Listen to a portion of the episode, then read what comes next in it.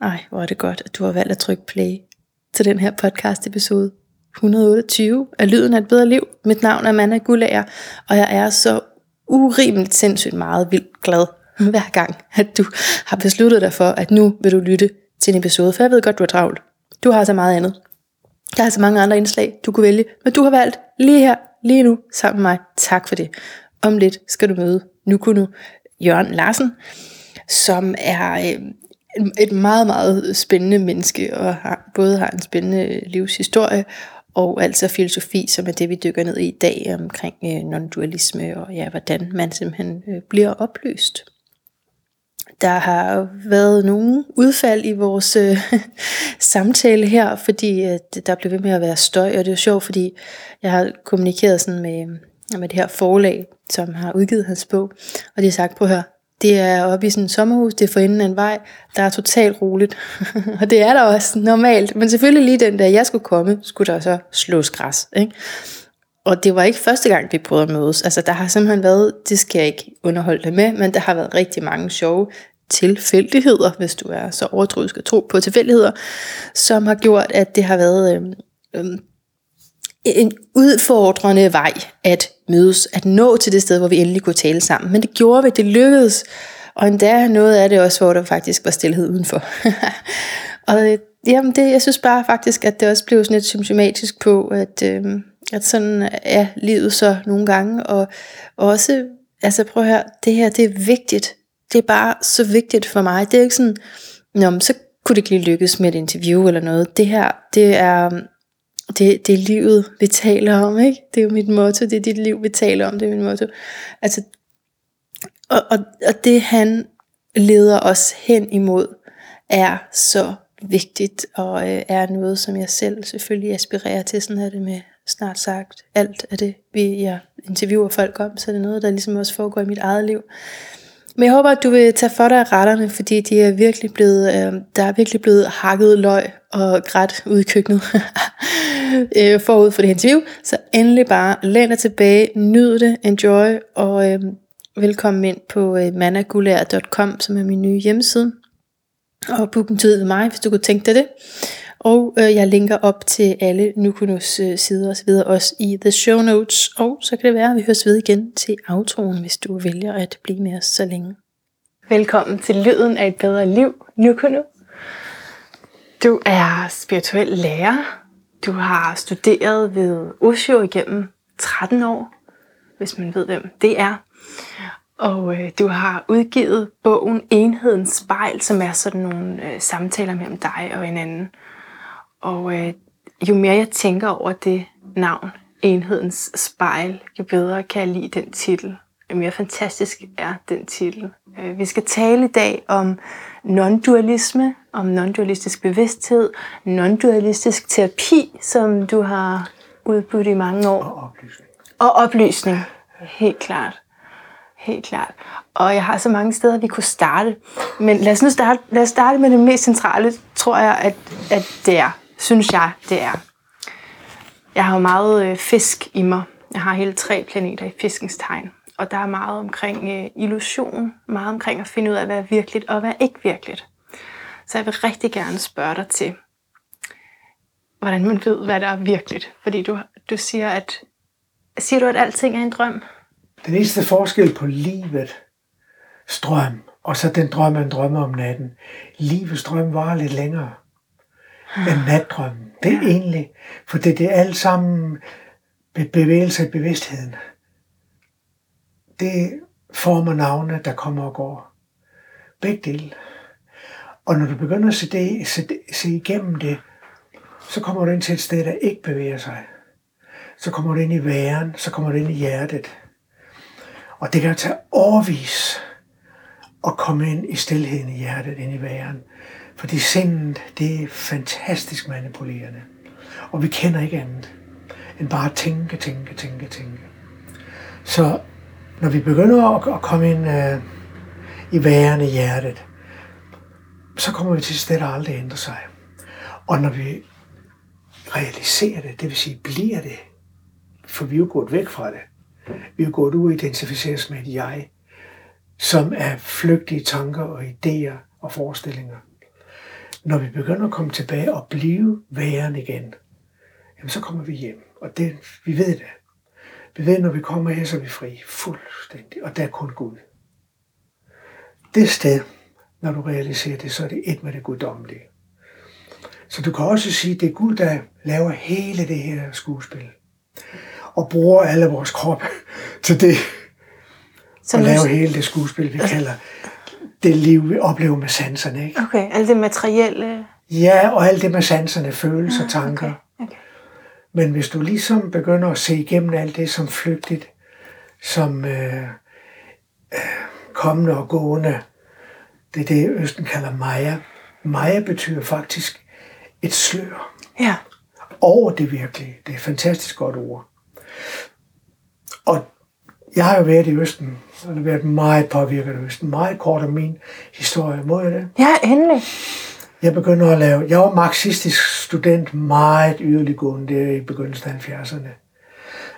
Jeg kendte med i filosofi og kultursociologi, så jeg læste. Og der var vi jo marxister dengang. Venstreorienteret. Og så kom jeg til at bo på kollega med en TM-lærer, transcendental mm. meditation. Og han blev ved, du skal lære meditere, du skal lære sagde, ej, det metafysik, det er ikke for mig. Ja. Han bliver ved, og jeg kan godt lide ham, ikke? Så ender det med, at jeg bliver initieret. Og fra det øjeblik, der skifter mit liv. Fuldstændig. Så du bliver initieret ja, altså til, til en mantra-meditation, Nå, TM. Ja. ja. Og det går jeg fuldstændig ind i, indtil der begynder at komme så mange følelser op, som de ikke rigtig ved, hvad de skal gøre med, med mig. Vrede og sorg. Og, fordi et, et mantra, det bor sig faktisk, du kan forestille dig, helt lige ude fra periferien og ind til centret. Ikke? Uden at bearbejde lagene. Ikke? Sådan oplever jeg det. Så måtte jeg jo begynde at lave terapi, og så møder jeg Yogananda, øh, en yogisk selvbiografi.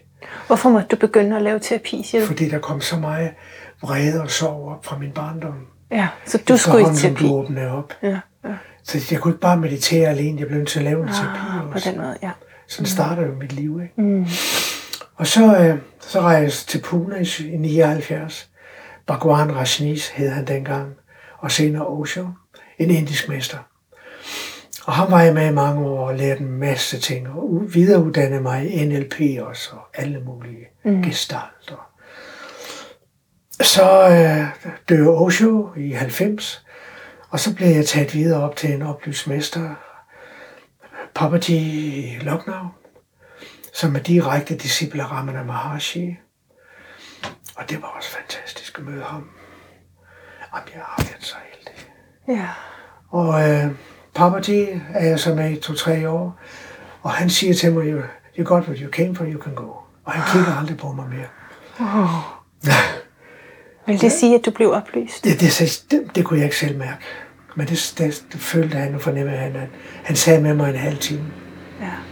Og dengang var han jo nok 76 eller sådan noget.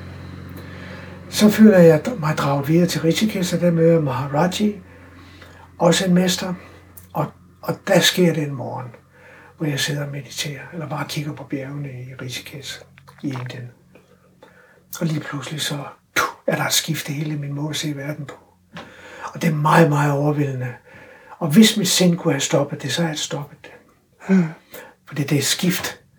I stedet for at se alting fra jeg, et, et, altså et, et, et, en, en del af bevidstheden, jeget, ja. så ser jeg det lige pludselig som hele bevidstheden. Ikke? Ja. Og det er fuldstændig skift i hele din krop og hele din... Det kan være meget overvældende. Men vi egentlig kommer tilbage til vores naturlige sted. Ikke? Og så begyndte mit arbejde at forandre sig for dage. Det er 25 år siden nu. Hvor jeg så begyndte at lave dual terapi. Hvor jeg, hvor jeg så, at mennesker, jeg blev nødt til at lave terapi med dem stadigvæk, men så prøvede jeg at tage dem videre. Ikke? Ind i dem, de virkelig er. Ikke, ikke hvem de tænker og oplever. Men så i terapi vil man sidde og fortælle om ens barndom, og hvad for nogle problemer man har. Så vil du ja. prøve at rette pilen mere imod din sande natur, eller at det ja. hænger sammen med alt. I begyndelsen, når man går til terapi, så er der noget, man ikke kan lide, man kan ikke acceptere. Nogle følelser, nogle lag, som på en eller anden måde er svære at have med at gøre. Ikke? Og terapi, der analyserer man dem, man snakker om dem, og, og dybest set prøver, man kan måske transcendere dem, ikke? Men man tror stadigvæk, de er virkelige, ikke? Jo. Og det gør man ikke i dualterapi. Der, der går man ind i dem og at de er impermanent. Mm. Og i virkeligheden er det din oplyste tilstand, der skinner igennem på den måde. Ligesom drømmen er jo drømmeren. Drømmen, du drømmer om natten, er jo dybest set dig selv, ikke? Når du vågner op, Gud, jeg har skabt alt det her.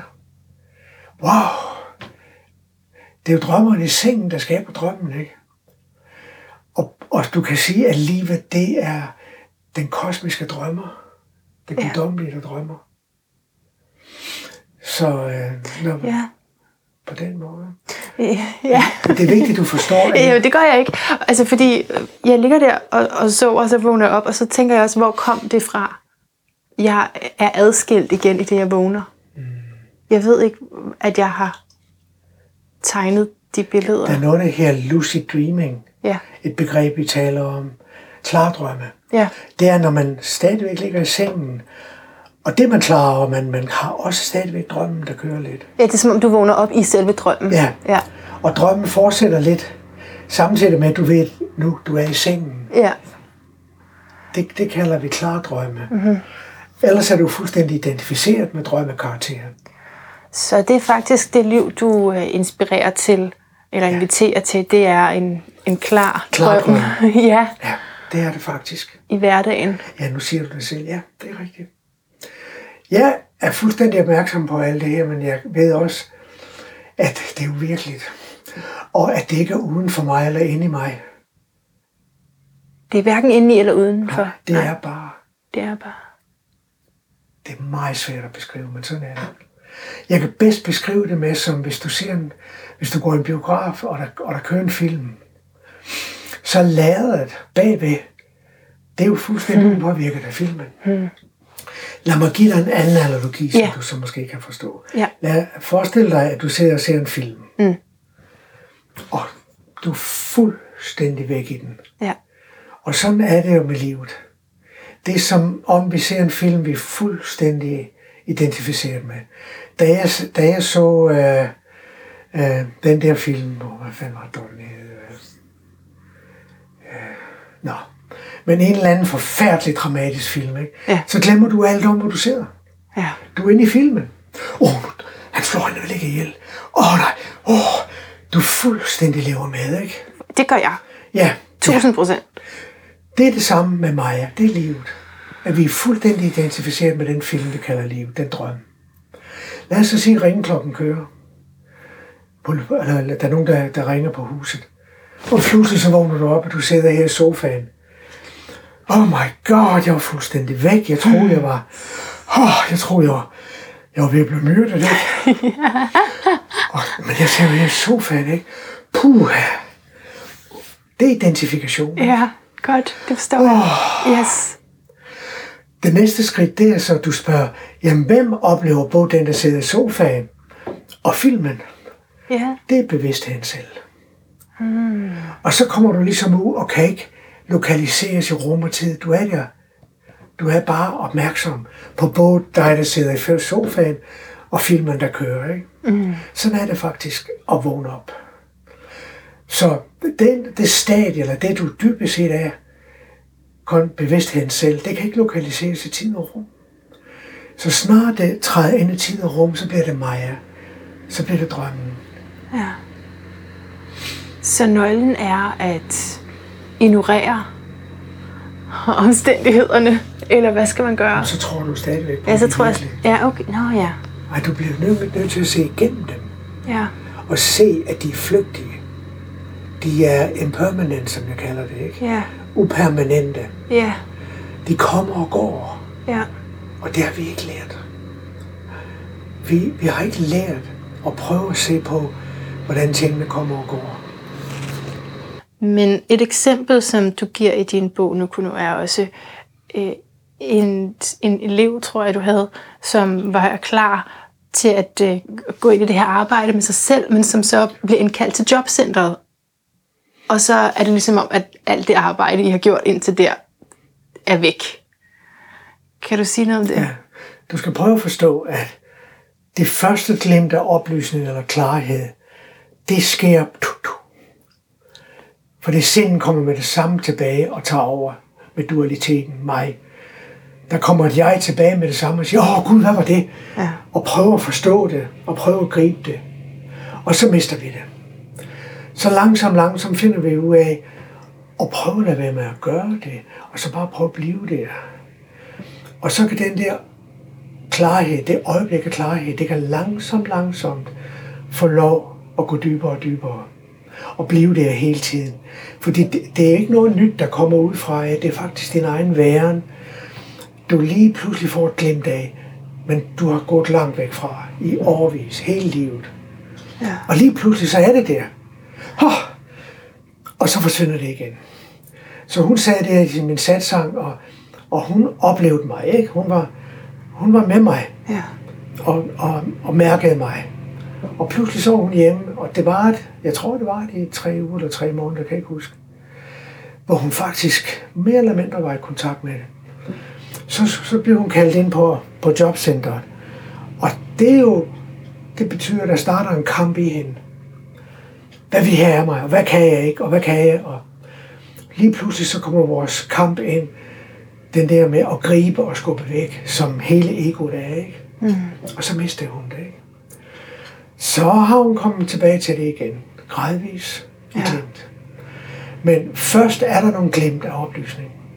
Og så starter der en lang rejse med at blive, blive der. Så det ikke går væk mere. Okay. Fordi det er, du kan forestille dig, at som børn, der bliver vi født som det. Fuldstændig. Vi, vi bliver født som oplyste. Ja. Uh, vi har ikke nogen fornemmelse, vi har ikke noget ord, vi har ikke noget sprog. Så vi er ikke adskilt fra mor. Vi er ikke adskilt fra sengen. Og det lille barn lever en enhedsbevidsthed, men uden at vide det. Mm. Det er naivt. Så bliver vi fyldt på med ord. Og det vi kalder betænkning, conditioning. Og når vi er tre år eller sådan noget, så er vi et perfekt menneske, der ved, det er far, og det er mor, det er det ydre, det er det indre. Det er hele vores sprog, hele vores conditioning, der tager os væk. Og der er jo nogen, der, der ikke er blevet taget væk, der formår at blive i det. Vi har en dansk mystiker, det er Sunyata Emanuel Sørensen. Han er ret interessant. Læs ham endelig på engelsk. Dancing with the Void. Jeg vil lige omtale ham meget, meget kort. Ja. For det igen i vores kultur, det er en meget lav kultur. Han bliver født over i Aarhus i 90'erne, 1890'erne, på en lille gård. Og han fortæller om, da han fortæller om sig selv senere, at han, han tit undgik at være sammen med andre børn, fordi det tog ham væk fra hans indre stillhed. Hmm. Så han undgik det meget. Hmm. Øh, da han er oppe i 20'erne, der kommer han til England som gartner og er gartner på stort gods. Og der kommer Rabindranath Tagore, ham der vinder Nobelprisen i Gitanjali, nogle, øh, po, noget poesi. Han er, no, nogle, han er prisvinder i det, og kommer på besøg der. Og han kigger på den unge gartner og siger, du skal til Indien. De kan genkende din stillhed. Og Emmanuel, ja, han rejser til Calcutta og kommer ind i Tagoras familie, og han ender med at være sadhu, hellig mand, i 43 år i Nordindien, wow. hvor han sidder øh, oppe i, øh, i Almora i bjergene, i begyndelsen af Himalaya-bjergene. Og så om en gang imellem går han ned til Sydindien, når det er for varmt. Han møder Ramana Maharshi også. Fantastisk livshistorie. Og han er han er født i det og mister det aldrig. Og han dør i Amerika, fordi hippierne begynder så at komme til Indien der i 60'erne. Og de kommer jo også til Almora og siger, ej Sonjata, du skal til Kalifornien, du skal, ej. Ja. Og virkelig siger han, skal Ja, det skal du altså. Så han giver satsang på Alan Watts' øh, flodbåd. No. Det er i LA. Og øh, han dør som 92-årig uden nogensinde har været syg. Han bliver kørt over af en bil i LA. Okay. Da han er 92 år. Mm. Og mere eller mindre ukendt. Wow. Hvem fanden interesserer sig for det? Men det er jo virkelig det, der handler om. Ja. Og det er en dansker.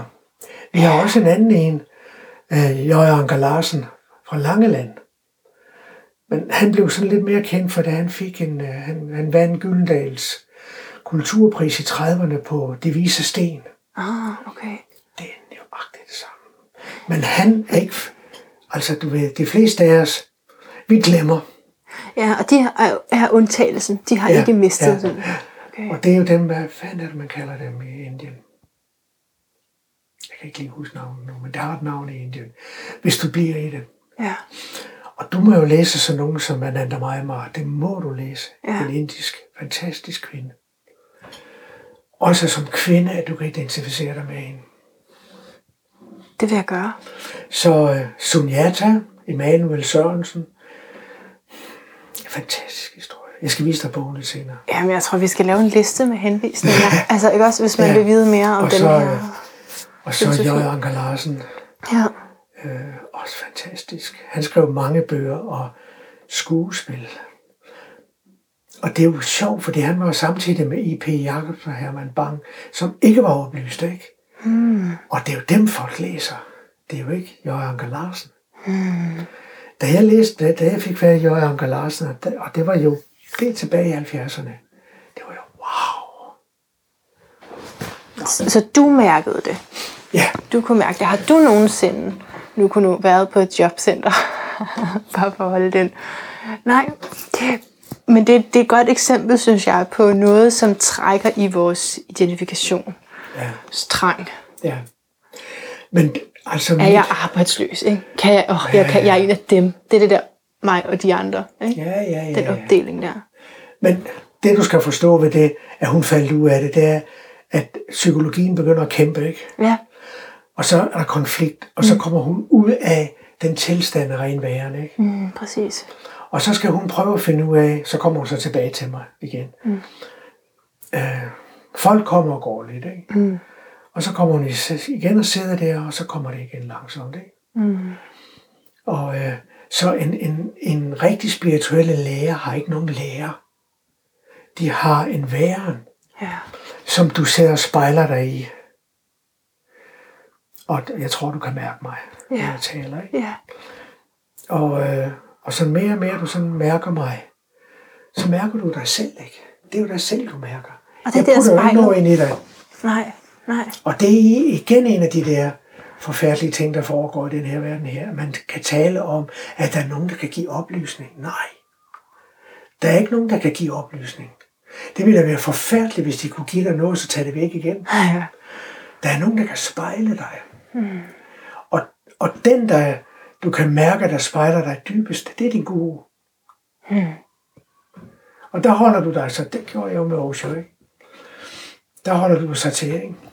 Han spejlede dig uden at kende dig Den personligt. første morgen i Pune i 79, hvor jeg kom til satsang, der falder jeg ind i sådan en art, noget man kalder tantra.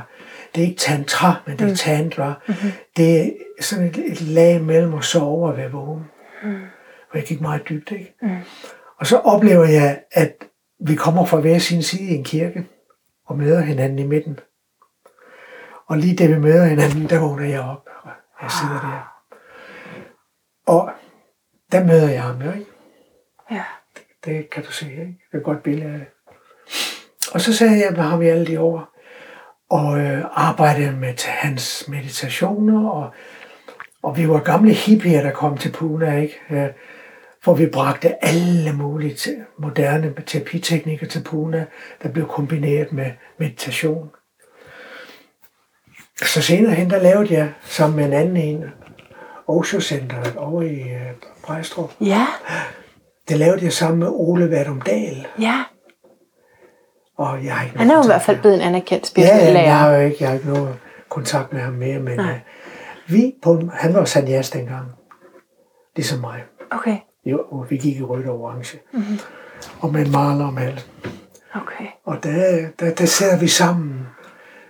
Og der har jeg lige lavet et tre ugers retreat alene i en skov, uden at se nogen mennesker. Bare været helt alene, uden fjernsyn, uden nogen telefoner, intet, intet. Sov du i skoven? Ja, ja. Tre uger. Jeg vil bare møde mig selv, ubetinget. Og lige efter det, der møder ham, og så siger han, skal vi ikke lave sådan et Center for os selv. Så siger jeg jo selvfølgelig. Ej. Men du, altså det er vigtigt, ikke for at du skal lave det samme som mig, men du skal prøve at vide, at det er radikalt det her. Ja, Det er det, du skal fornemme. ja. Og hvis jeg fortæller lidt mere om mit liv, så vil du også... Altså mit liv, det er jo The Ugly Duckling Mm. af H.C. Andersen. Det er Ja. nøjagtigt det samme. Ja. Hvor jeg også forlader hele det etablerede på en måde, Ja. og går ind i min, min egen den spirituelle vej. Ikke? Så du siger, det er radikalt, og Ja. det kræver typisk nogle Du store ofre. det der skrig fra hjertet af, jeg vil hjem, ikke? Mm. Jeg, jeg vil ikke leve og dø. Og jeg kan jo sådan se, når jeg kigger i bagspejlet, jeg tror, at to af mine onkler og min far og min farfar, de døde inden for ganske få år. Og jeg kan huske som ung mand der, så siger jeg til mig selv, som vi er ikke dø. Lev lige så ubevidst. Nej, Jeg vil ikke dø sådan. nej. Og det gør, det gør jeg heller ikke. Nej, det gør du heller ikke. Men dem, som du har haft i terapi, non-dualistisk terapi, kræver det det samme af dem, at komme ind i et rent væren? Tre af dem kommer og laver satsang nu i min, i min sommerfestival. Ja, Jeg har inviteret dem. fedt.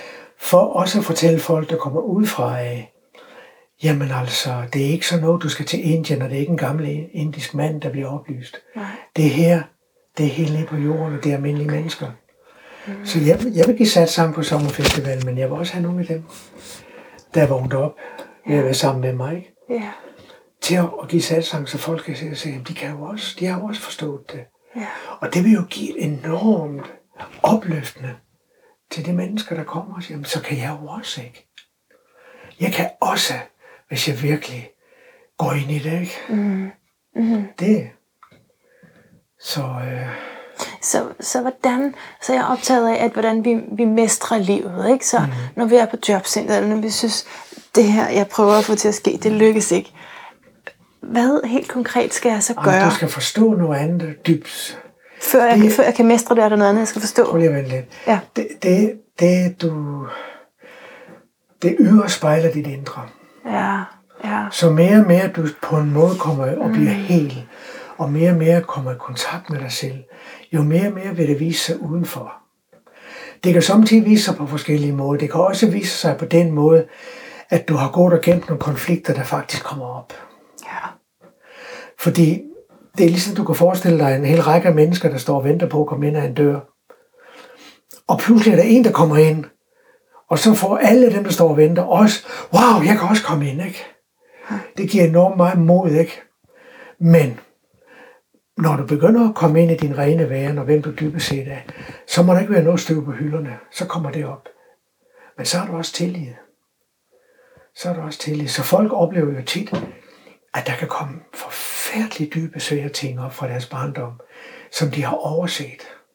Men nu er der tillid i systemet, til de faktisk kan mærke det, at de kan møde det. Så sådan, sådan er rejsen til oplysning også. At du kan ikke springe noget over. Der er intet,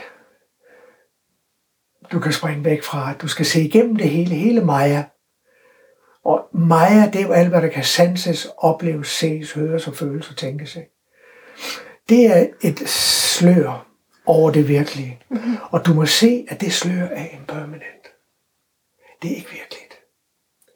Men fordi vi giver det ord og begreber, så synes det, at det er virkeligt. ja, Men hvis du begynder at arbejde lidt med mindfulness, og begynder at være nærværende her nu, og ikke leve i ord og begreber, så kan du også have glemt af det.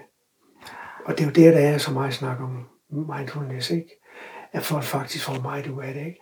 Selvom det ikke lige bliver oplyst, men de får en følelse af ja, det er det. ikke at være fuldstændig identificeret Mm. med at skubbe væk og gribe ud. Det er egoet. Øh, hvad spurgte du? Ja, men jeg, det, det hjalp mit spørgsmål, synes jeg. Altså, jeg, jeg spørger til, hvordan man konkret mestrer det, når noget så går galt. Fordi jeg godt kan have en, en kognitiv viden. Den kan for så vidt også godt være kommet ned i min krop igennem noget yoga og noget meditation. Ja. Om at jeg ikke er det, Ja, og det er at øh, Ja. alt er okay alligevel. Mm, men Men altså, derfor så er der jo stadigvæk nogle stærke følelser. Du siger faktisk øh, noget omkring følelser. Øh, er, er de altid nogen, man skal ja. mistænke? der må ikke være nogen følelser, du identificerer dig med. Nej. Hverken gode eller dårlige. Okay.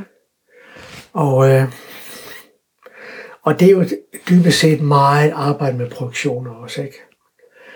Først, lad os nu for eksempel sige, at du kom til mig øh, for en session, ikke? Ja. Nu giver vi sådan et eksempel på det. Ja, men jeg slås med min, med min, med min kæreste, og oh, jeg kan ikke have, og jeg bliver så jaloux. Og jeg, ej, jeg kæmper altid med ham. Og, Mm. og så gør jeg det, og så beder jeg dig om at lukke øjnene og sidde for, og tillader dig at sidde foran ham. Og, øh, og så bare se, hvordan jalousien, den, den følelse kommer op, ikke? Aha. Kig på ham, luk dine øjne og mærk jalousien, den kommer, ikke? Og nu Ja. giver du fuldstændig plads til den. Ja. Så vil jeg bede dig om at fuldstændig at mærke ind i den jalousi, uden at sætte navn på den. Bare mærk den. Træk vejret ind i den. Mærk den i kroppen. Mærk den fuldstændig. Og så vil jeg bede dig om at sige, sige til mig, når den forandrer sig. For det, det gør alle følelser. Hvis du bare bliver i dem og mærker. Uden at forstå og analysere dem. Uden at forstå og blive fri af dem. That's the work. Uden at prøve at komme af med Ja. den her. Så sidder du der. Okay. Kæft, mand. Så spørger jeg dig, hvad sker der nu? Jamen, jeg, jeg føler bare et enormt raseri. Ja. Hvad tror du så, jeg siger til dig? Mærk det. Bliv. Kom ind i det. Fuldstændig. Bliv rød indeni. Åh, oh, jeg kunne myrde ham, ja. Ja. Oh, bare bliv i det, bliv i det, bliv i det. Mærk, hvordan hele kroppen den er. I hver en celle. Så efter et stykke tid, så kan jeg mærke, at der sker noget med, mig, med dig. Så spørger jeg, hvad sker der nu? Jamen, nu kan jeg bare mærke, at jeg føler en enorm mindreværdsfølelse. Oh, total mindreværdsfølelse. Mærk det. Ej, det er forfærdeligt. Jeg kan næsten ikke have det. Og når konen siger, mærk det. Ikke noget med at analysere det. Ikke bringe hovedet ind i det. Bare mærk, mærk, mærk, mærk. Og så lige pludselig, så kan jeg mærke, at dit hjerte begynder at komme ind.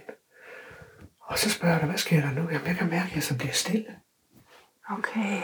Ah, jamen, det, nu kunne jeg bliver bare stille nu. Ah, jamen, det er okay. Ah, Så siger jeg til dig, tillad den stillhed at komme ud. Den har været der hele tiden. Ah.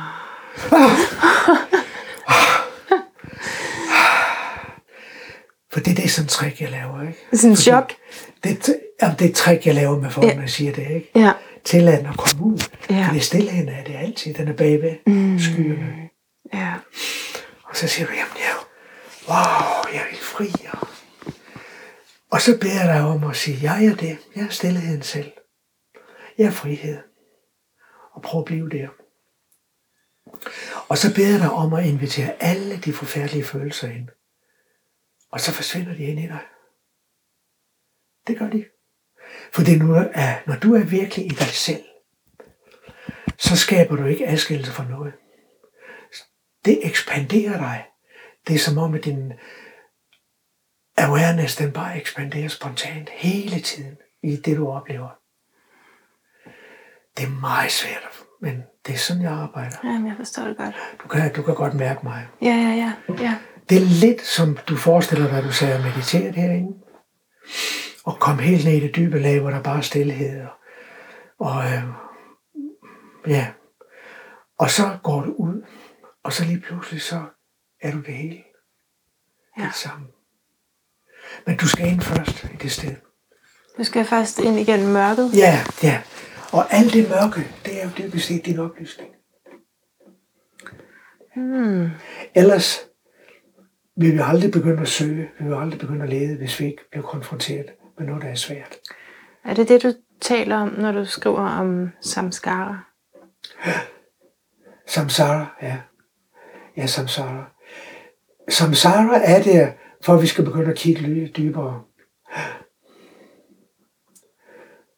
Uh, hvis du lytter til Leonard Cohen, han bruger meget hans senere musik, der er han jo blevet oplyst, fordi han tager til Indien på et tidspunkt og møder med Balsekar, og det går meget hurtigt.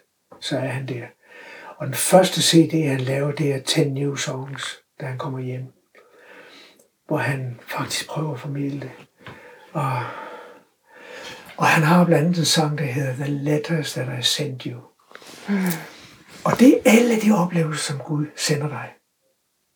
For at du skal bruge det.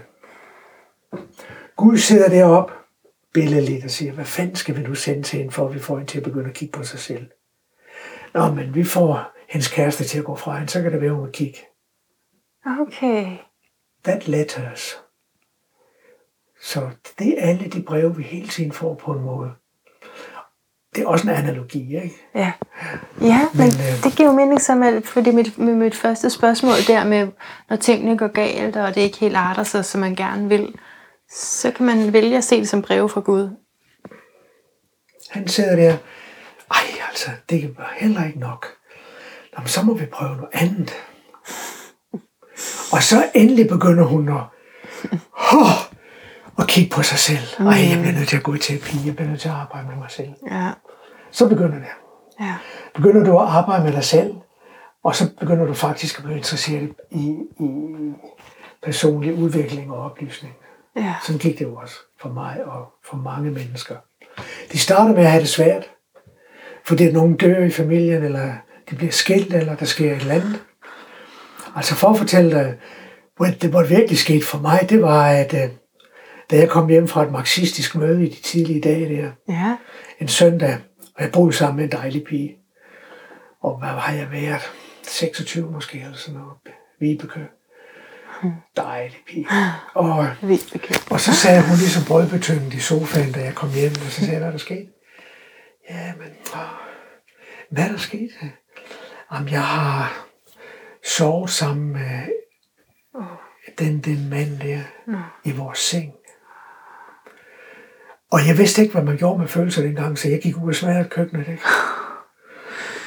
Og du vidste ikke, hvad man gjorde med så følelser. blev jeg nødt til at begynde at gå i terapi. Ja, okay. Hun var en enorm hjælp. Og hun hjalp mig nogle år der. Hun gjorde forskellige ting, som meget omkring jalousi og sex. Og Så det, det i tale sætter du også som en hjælp, selvom at... Hvad? Det, I tale sætter du nu som en hjælp. ja, det var da en enorm hjælp. Ja. Jeg har det simpelthen takket hende. De Tak for alt det besvær, du gav mange af de kvinder der, jeg har kendt, jeg har kendt mange. Jeg har gift fire gange. Nå, Øh, Nå, har du det? Det må jeg sagt tak til. Nå. For, fordi det var en enorm hjælp. ja, ja, ja. En anden en, der også forlod mig, hun kom hjem en nat. Det var i Pune i Indien. Og jeg var sådan helt, jeg kunne ikke forstå det. Og så har hun sovet med en anden mand. Der, min ryg faldt sammen, og jeg kunne ikke røre mig i tre uger. Så blev jeg så båret til en kiropraktor, Okay. og jeg skreg og græd i to år. Hele min barndom, alt med min mor, og det hele kom op, ikke? Sådan er det. Wow. Det er arbejdet. Wow. Så alle de ting er din oplysning, dybest set. Dybest set. Det var også et, det var også et, et mønster så, ikke? Hvis det var sådan noget med at være sammen med en anden. Ja. Jeg ved ikke, ja. Følelsen af at blive forrådt. Altså de to kvinder der, de har hjulpet mig fantastisk. Vibeke, og så den anden, det var en norsk kvinde, Kerstin. Ja. Så, så de har hjulpet dig til hvad? F- komme ind i mine følelser. At komme ind i dine følelser. Ja, ja. Fordi jeg var jo helt ude af kontakt med den dybe sorg og den dybe vrede, der lå dybt ned i mig fra min barndom. Som var der langt før Ja, det, de ja, gjorde. Ja. For jeg havde en forfærdelig barndom i 50'erne. Mm, okay. Frygtelig. Jeg gik ud af 3. 7. klasse i skolen. Mm. Dumpede i 3. klasse. Det var en voldelig skole dengang i 50'erne. Så jeg skulle bare ud. Ja. Og jeg slog sig altid. For det, lærte jeg fra min far. Han slog og tævede os jo. Så øh, vold, vold, vold. Det var det i min barndom. Så jeg sad på en vulkan, på en atombombe af vold. Og, Ja, det er et godt billede. ulykkelighed og raseri. Og det blev jeg nødt til at møde. Og så mødte du det, Ja, og så kom du fri af det. ja, fuldstændig. Det, det blev min oplysning. Sådan at du ikke bebrejder nogen noget. Overhovedet ikke. Jeg er dybt taknemmelig til mine forældre. Og dybt taknemmelig til de kvinder, jeg har mødt. Jeg er dybt taknemmelig til livet. Jeg er ubetinget taknemmelig til hvert øjeblik. Fordi når jeg kigger på det i bagspejlet, så vil det her ikke være sket uden det. Og det her er forstået som Og det forfærdelige er, at jeg kunne aldrig sige tak til min far, min voldelige far, mm. ellers ville jeg have gjort det. Mm. For han var jo, han var jo også bare i egoets vold og gjorde, mm. hvad han havde lært, Ja. og hvordan han var blevet opdraget. Jeg fik sagt til min mor, fordi hun levede længere, og hun endte med at se mine retreats. Nå. Wow. Hun tog der med mig til Norge en gang, og sad 10 dage i et meditationsretreat. Hvor flot. Ja, ja. Hun var en af de første, der mødte mig, da jeg kom hjem fra Indien, efter det her, der var sket for 25 år siden. Og hun sagde, hvad er der sket med dig? Se forvandlingen. Og så kunne jeg fortælle hende det. Okay, men så jeg har fået lov at se på dit horoskop, og det har jeg simpelthen været virkelig glad for, at jeg måtte se. Fordi det er altid sjovt, når man har en bog og et kendskab til dig som offentlig person, øh, så at se, hvad der ligger til grund sådan i, med de planetære energier. Og du er øh, vægt. Så du har både øh, Merkur, Neptun, Venus og Solen i vægtens tegn, så du er rigtig, rigtig meget påvirket af vægtens øh, tegn og energi. Øh, og Venus er så, det er så herskeren i vægttegnet, som er i konjunktion med din sol, det vil sige, det står helt tæt. Og øh, de sidste øh, tre her, altså Merkur, Neptun øh, øh, og Venus, står så også i sandhedens hus. Ja, så det, der er rigtig meget, øh, der peger hen mod det, du laver. Ikke? Så vægten er kendt for at være fredskaberen. Ressourcen er at forene modsætninger, apropos. Ikke? Øh, og bevidstheden, vægten har, er en om, øh, at hvordan øh, helhed er komponeret af komplementære halve dele, har jeg skrevet lidt kludret, men ja, så, så det er en balancekunst, og endepunktet er fuldstændig sindsro. Vægten symboliserer den del af os, der er besværet af intet, provokeret af intet. Øh, vægten har simpelthen underskrevet en evig fredskontrakt med kaos, skriver øh, Stephen Forrest, som er ham, jeg studerer. Øh, Målet er, som det egentlig er for alle tegn, en transformation af bevidstheden, øh, men endnu mere i højere grad er det for vægtens tegn at opnå en ubrydelig indre harmoni. Det er ikke en fred, der kommer af sig selv. Vægtens tegn understreger et, en nødvendighed omkring at genkende emotionel ubalance. Behovet for at slippe spændingerne, før der opstår en kædereaktion følelsesmæssigt, ikke? ligesom det du talte om før med vrede, og så eskalerer det. Øhm, og, og behovet for vægten er at gøre sit miljø skønnere, og herunder at danne harmoniske bånd til andre, særligt øh, kærlighedsrelationer. Så det var bare lige sådan at tune ind på den der vægtenergi, som er så præsent i dig, og som jeg synes, eller som helt objektivt set, du tager til sin yderliggørelse. Så tak for det. Kan Hvad siger du til beskrivelsen? Jamen, jeg kan jo genkende det. Ja. Så, der. Meget. Og jeg har jo også forlagt min horoskop. Mm. Ja, det har jeg jo mødt, selvfølgelig. Det, bare, det, blev, det interesserer mig ikke rigtigt. Nej. Fordi jeg kunne også være blevet astrolog. Ja, Men det ja. skulle jeg ikke være. Der er mange veje at gå i det her. Og det er sådan, altså det er jo det er sådan en måde at gå bag om Ja. det levede liv, altså og netop den drøm, som vi lever, eller hvordan man Ja. kan sige det, det er, det er bare for at se på den der bevidsthedsstruktur, øh, der er, men, men, et, men et højere mål er jo det, du taler om i virkeligheden. Ikke? Det er jo sindsroen. Ja. ja. Og også det, jeg har alt det i 9. hus, det vidste jeg jo godt. Ja. Altså, det jeg fik mit horoskop lagt første gang, det var i 70'erne, der sagde han til mig, det er en ferieinkarnation. Okay. Ham, der lagde det. Ja, nej. Første gang. Nej.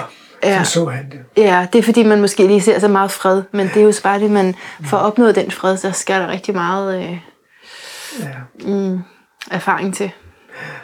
Og jeg vil bestemt ikke sige, at øh, der er meget sådan ferie over det, når man har sin karma eller den sydlige måneknude i skorpionen, så er der alt muligt, der skal... Altså, mit liv har fandme ikke været nogen Nej. ferie, bare. Nej. Det er fantastisk.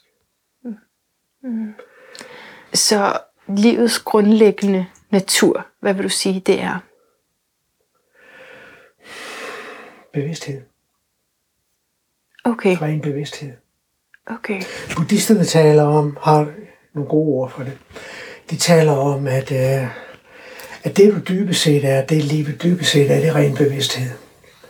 Og den eksploderer ind i hverdagsbevidstheden. Det alle oplevelserne. Men, men øh, vi har for eksempel meditation i Indien, der hedder Mind the Gap. Mind the Gap. Det vil sige, at hver gang der er et mellemrum mellem en tanke eller en følelse, så prøv at falde ind i det mellemrum. Det er den, du er. Men det mellemrum, det er så kort, og det går så hurtigt, at det med det samme eksploderer ind i en oplevelse af et bord, eller en oplevelse af et menneske, eller oplevelse af den her krop her. Mm. Med det samme, den der rene bevidsthed konstant eksploderer ind i hverdagsbevidsthed, eller oplevelse af, af form og navn. Det går hele tiden derudad, ikke? Så derfor sidder vi i send for eksempel. I dag vi i spar og sidder og ser, hvordan vi grasper og rejecter. Kun bare ser på det, uden at gøre noget. Og langsomt bliver sindet stille og stille og stille. Og så kan det faktisk være, at du kan få et glimt af the gap. Den rene bevidsthed. Men hvad er bevidsthed? Det er svært at sige. Ja, det er bare et ord, ikke? Men Ja. øh, vi kan jo godt fornemme, hvad det er, ikke? Jo, og det er det, Hvad- der hvad- forener os. Det er det, vi er en Ja, del hvad af alle sammen. ikke tænker, ikke? Det mm. kan vi godt sådan fornemme et eller andet sted, ikke? Mm. Men, men der er vi et. I det sted.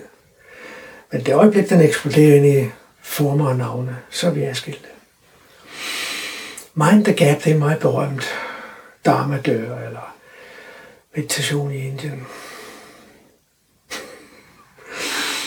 Hvad? Griner du Det af? er der. Griner du af mig?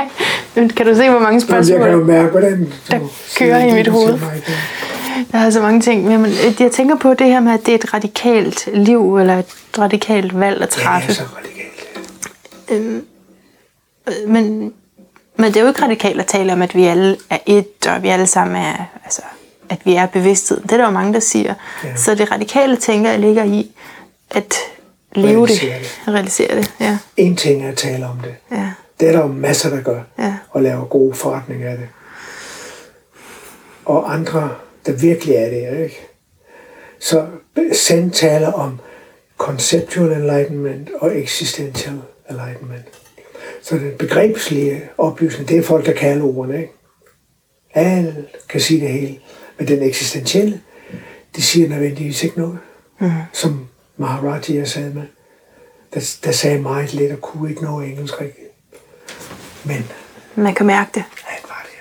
Han var der. Og det er så det spejl, andre Ja. spejler sig i. Ham der også. De har nogle forskellige billeder her. Han sagde nej, heller ikke så meget.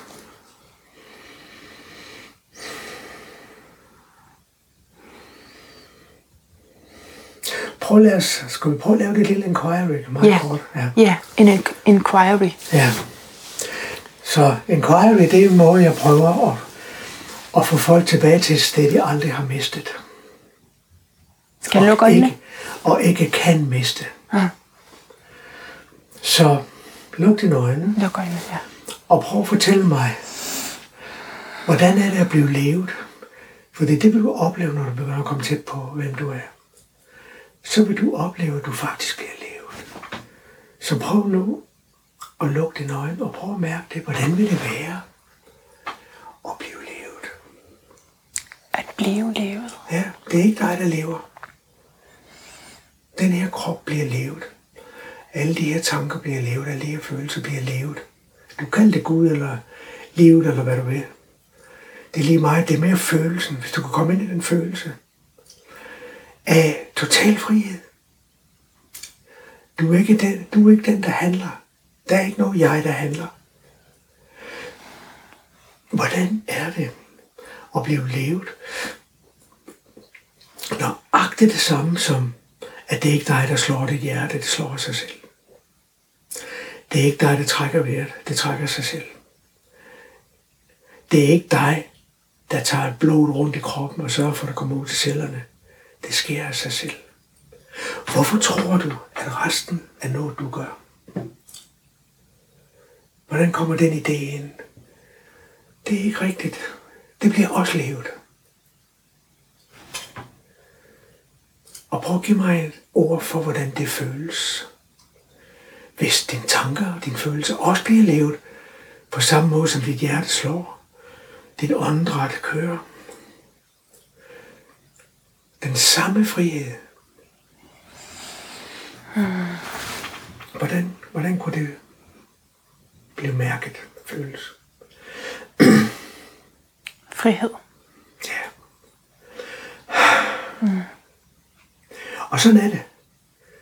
Der er kun guld. Eller hvad man nu vil kalde det. Der er kun det guddommelige. Hvad navn man end giver det. Buddhismen kalder man det, der Buddha, ikke? Det gør mig jo også magtesløs. Det var et ord, jeg også kunne have sagt. Er vi det? Nej, men øh, når du handler, øh, du vil stadigvæk... Da jeg vågnede op, så så jeg jo, at det har jo altid været sådan. Og selvom jeg troede, at jeg handlede. Mm. Men det har altid været sådan. Den eneste forskel er, at nu ved det. Men det har aldrig været mig, der handlede. Aldrig. Fordi der er ikke noget jeg. Hvis jeg skulle huske at banke mit hjerte og trække vejret, så ville jeg dø for længe siden. Det sker spontant. Og sådan er livet også. Og det, der så sker for dig, jo mere og mere du kommer ind i det, det er, at den ydre verden bliver anderledes. For det, den spejler den indre. Mit liv er fantastisk, har været fantastisk. Og nu er det jo helt. Jeg har problemer med kroppen, men jeg er ikke kroppen. Det skriver du også om i din bog. Ja. Ja. Jeg har en krop, men jeg er ikke nogen krop. Og du skriver det som, at, at det faktisk kan hjælpe os netop til yderligere bevidstgørelse. Til at disidentificere os med kroppen. Ja. Fordi de fleste mennesker tror, at de er deres kroppe. Og det er jo forfærdeligt. Så ved de også, at de dør, ikke? Og det kan ske i øjeblik, det skal være. Du er ikke kroppen, du har en krop. Jeg går ikke nogen steder, når jeg går. Prøv at lukke den øjne og mærke det. Prøv at forestille dig, at du går. Mm-hmm. Eller du flyver. Mm. Og så prøv at mærke dit hjerte, væren. Det går ingen steder. Mm. Din bevidsthed, den rene bevidsthed, den går ingen steder. Jeg har det samme, når jeg ser et fly. Jeg kan, jeg kan se øh, og mærke, at flyet flyver, men jeg, jeg flyver ingen steder. Jeg flyver ikke til Indien. Det er kroppen. Hvor er du så? Jeg er her og nu. Ja. Hele tiden. Mm. I, et, I et space, der er hinsides tid og rum. Mm. Det øjeblik, at du kommer ind i det duale, så kommer du ind i tid og rum. Men, men du er ikke i tid og rum. Og det er hjertets inderste hemmelighed. Derfor taler jeg så meget om, hjertet, om hjertet altid. Ikke om kærlighed, ikke om den romantiske kærlighed, men dybere ind i hjertet. Det er en væren. Og man kunne, jeg kunne også sige til dig, at når du bliver oplyst, så begynder du at se og høre med hjertet. Ja. det, det er en anden måde at sige det på. Ja. Fordi ellers er vi her. Ja, i hovedet. Og det er et helvede. Mentale. Vi skal kunne bruge det her, når mm. det er nødvendigt. Mm. Men vi skal leve her. Ja. Brug Men det der er det forfærdelige, er, at folk har fuldstændig glemt det her. Og så lever de herfra af. Ikke? Mm. Derfor har vi alle de krige, og alt det vold, og alt det smerte og ulykkelighed. Hvis folk var her, det ville være fuldstændig anderledes. Du kan ikke, du kan ikke gøre nogen fortræd, hvis du, hvis du har realiseret, at du ikke er adskilt fra dem.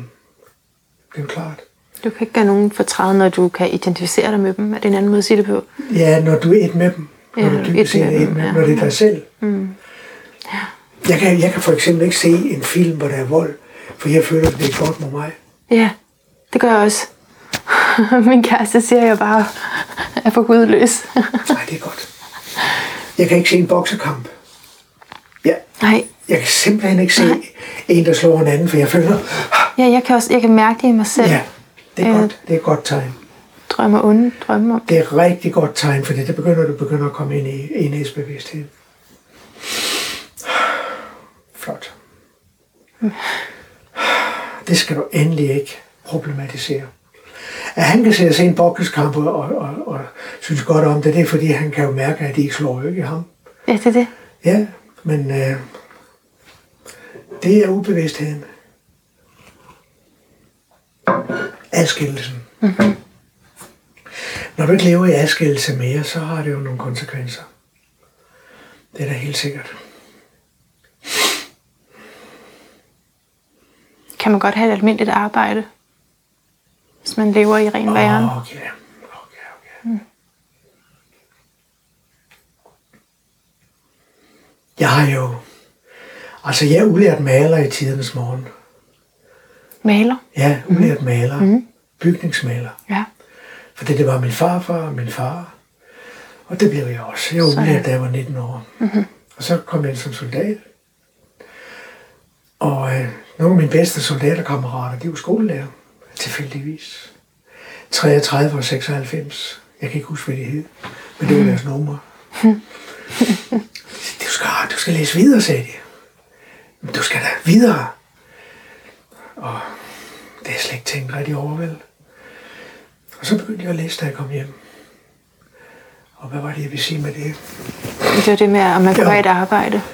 Så øh, da jeg kom hjem på soldat, der, der kunne jeg altid finde noget arbejde med at male, så jeg kunne tjene lidt penge. Og så begyndte jeg at læse jo, og så fik jeg øh, ud- uddannelseshjælp, ikke? SU. Ja. Og når jeg ikke havde nogen penge, så malede jeg. Jeg har malet alle mine lærers og professors huse og soveværelser. Øh, og så begyndte jeg at undervise i matematik. Mm. For voksne arbejdsløs på TETA til 2. For jeg var god til matematik. Og øh, kan du forestille dig, da jeg kom hjem fra Indien i 79? Nej. Jeg ved ikke, om jeg har skrevet det i min bog, eller sagt det, men dengang skulle vi være i rødt og orange og gå Ja. med en maler med Oshos Picture, med billede. Ja. Og der skulle jeg så have en ny klasse. Så der kom jeg i fuldstændig rødt og orange, med et billede af min guru omkring. Da jeg trådte ind i, i det værelse der, eller klasseværelse, der blev det fuldstændig stille. Ja. Og så sagde jeg, mit navn er Niskam, Nå. Og øh, det er min guru, og jeg skal her til matematik nu i et halvt år.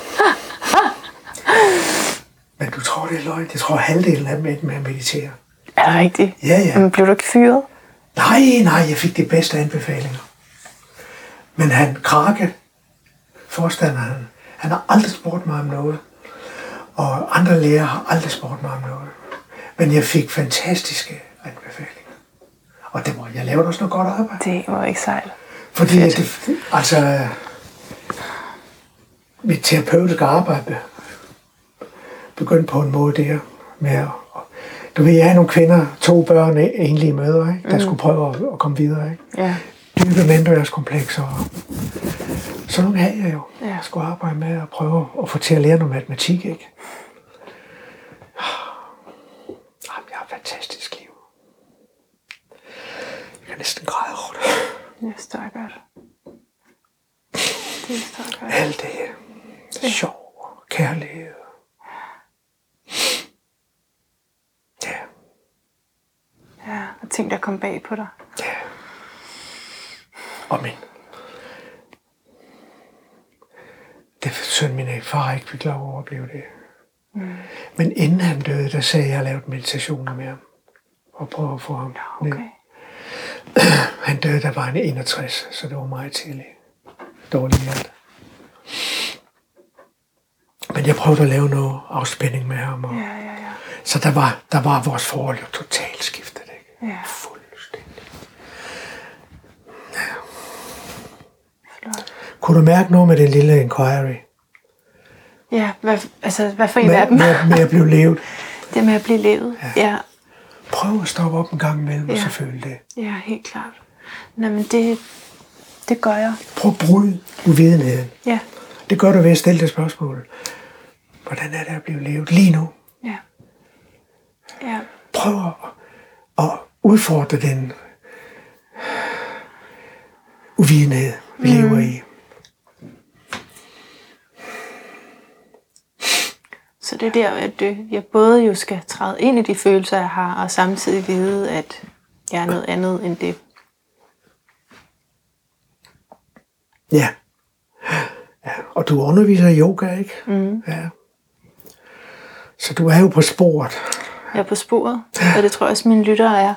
Og jeg kan godt lide det, du sagde med, at øh, det også kommer i glimt. Ikke? Så man ligesom er på den vej, fordi ellers så, så kan der måske være lange udsigter til, at man bare en dag vågner op, og at det er sådan, at man lever helt. En dag, så går det ikke væk længere. Så er det en undertone hele tiden. Ja, ja, Uanset hvad du laver, så er det hele tiden undertonen af frihed. ja. Men bare det, at man vælger at lytte til den her podcast, ikke? Med det her afsnit, og så langt hen i samtalen, så må man være... Jamen, så må man være interesseret Ja, nok ja, ikke? i ja. at få den grundtone. Ja. Og vi skal også nævne min bog, men der har vi gjort det. Vi har nævnt enhedens spejl, øhm, og jeg skal nok linke til det også i den tekst, jeg skriver til det her. Ja. Og så det sidste standardspørgsmål nu kunne nu er, hvad er din lyd af et bedre liv? Kend dig selv. Bliv stille og fald ind i hjertet. Og lær dig selv at kende. Hvem du er. Tusind tak for den her samtale. Ja, det var, det var da vidunderligt at være med dig. Det er jo, altså det er jo, du er jo familien. Den Kan du mærke spirituelle- mig også? Ja, det er den spirituelle familie. Ja, det er det. Og jeg kunne også godt se, at du var meget begejstret for min bog, mm-hmm. da, du, da du skrev til mig. Det var jeg selvfølgelig glad for at høre. Ja, ja. Så, øh, Hjertet tak, fordi du var med os så langt. Du ved godt, der er bonuspoint ikke? for at blive helt til slut på den her episode. Så tak for det. Jeg håber, at du fik en masse ud af det, og jeg vil virkelig, virkelig gerne høre fra dig inde på min offentlige Facebook-profil facebook.com Sound of Better Life. Og endnu hellere meget vildt, meget gerne, vil jeg også gerne have, at du går ind på managulager.com og booker en tid ved mig, ser på mine aktuelle tilbud, finder events og tilmelder dig, tilmelder dig alle dine venner og dine kusiner og dine fædre og ham der, om kunne han ikke lige komme på besøg fra Jylland den dag, hvor der lige er det her arrangement. Jo, det kunne han, det kan lade sig gøre, det kan lade sig gøre. Så kom nu endelig ind i min butik, ind i min verden, ind i min øh, nysgerrige ånd, hvide, begæret, der hvor vi simpelthen bare ikke er tilfreds med en kort lille bitte forklaring, et enkelt lille Instagram-citat, kan der selvfølgelig noget. Man vil have dybderne, ikke? Kom nu med nuancerne, kom nu med samværet, kom nu med fællesskabet, hvor vi kan få lov til at sidde med det og reflektere og blive spundet ind i nye tankebaner. Apropos så har nu kun også sådan nogle øh, kort. Jeg ved, der er mange, der laver sådan nogle forskellige kort. Han har sådan en slags tarotkort vel egentlig. Øh, men nej, jeg tror mere, det er sådan nogle, inqu- han kalder det nok mere inquiry kort. Men øh, altså, det kan du læse om inde på hans hjemmeside. Øh, og jeg har lige trukket et af hans kort, og der står, What is oops, unconditional freedom? Og så skal man så tænke over det. Altså, hvad er ubetinget frihed for dig? Så måske det er det, vi skal slutte af på, simpelthen. Du går ind på de her hjemmesider, når du har tid, og øh, så må du bare have det helt vidunderligt, til vi høres ved igen. Og så må du også gentænke alt især ubetinget frihed.